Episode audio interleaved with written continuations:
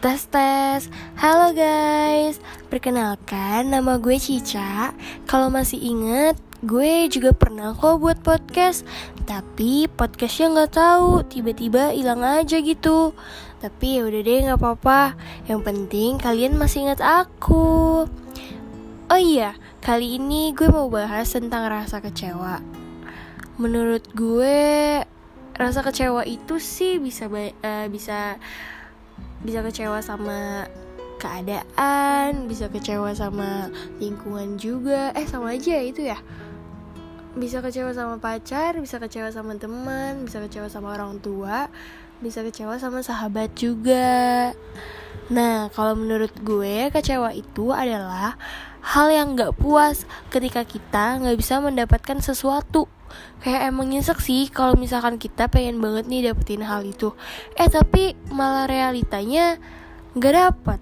Itu sakit banget. Kayak ibaratkan lo suka sama dia lo chat dia dan dia ngerespon.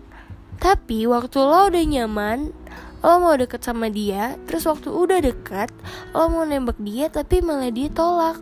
Nah kayak gitu tuh tapi pernah gak sih lu dikecewain entah sama cowok, sama sahabat lo, ataupun sama siapa pun deh? Apalagi waktu lo udah percaya sama orang Tapi kepercayaan lo tuh dibuang. Seakan-akan lo tuh cuma dianggap sepele. Please boy Dikecewain itu gak enak. Apalagi sampai lo rusak kepercayaannya. Itu gak banget, aduh, sumpah kayak lo gak pernah ngehargain orang yang udah mau percaya sama lo. Apalagi nih ya kalau lo punya pasangan yang susah banget terbuka sama lo. Jadi apa-apa ya disembunyiin. Gak mau cerita. Ya pokoknya tertutup deh. Aduh sumpah nih ya. Kalau misalkan kalian gak saling terbuka gimana kalian mau ngejalanin hubungan yang bener-bener serius gitu. Kalau di antaranya salah satu dari kalian tuh masih tertutup. Atau bahkan kita tahu sahabat kita lagi sedih atau pasangan kita lagi di mana tapi dia nggak ngasih tahu. Terus kita bilang eh kalau sedih? Eh kamu lagi ada di sini ya? Terus mereka bilang kok tahu? Tahu dari siapa? Tahu dari orang.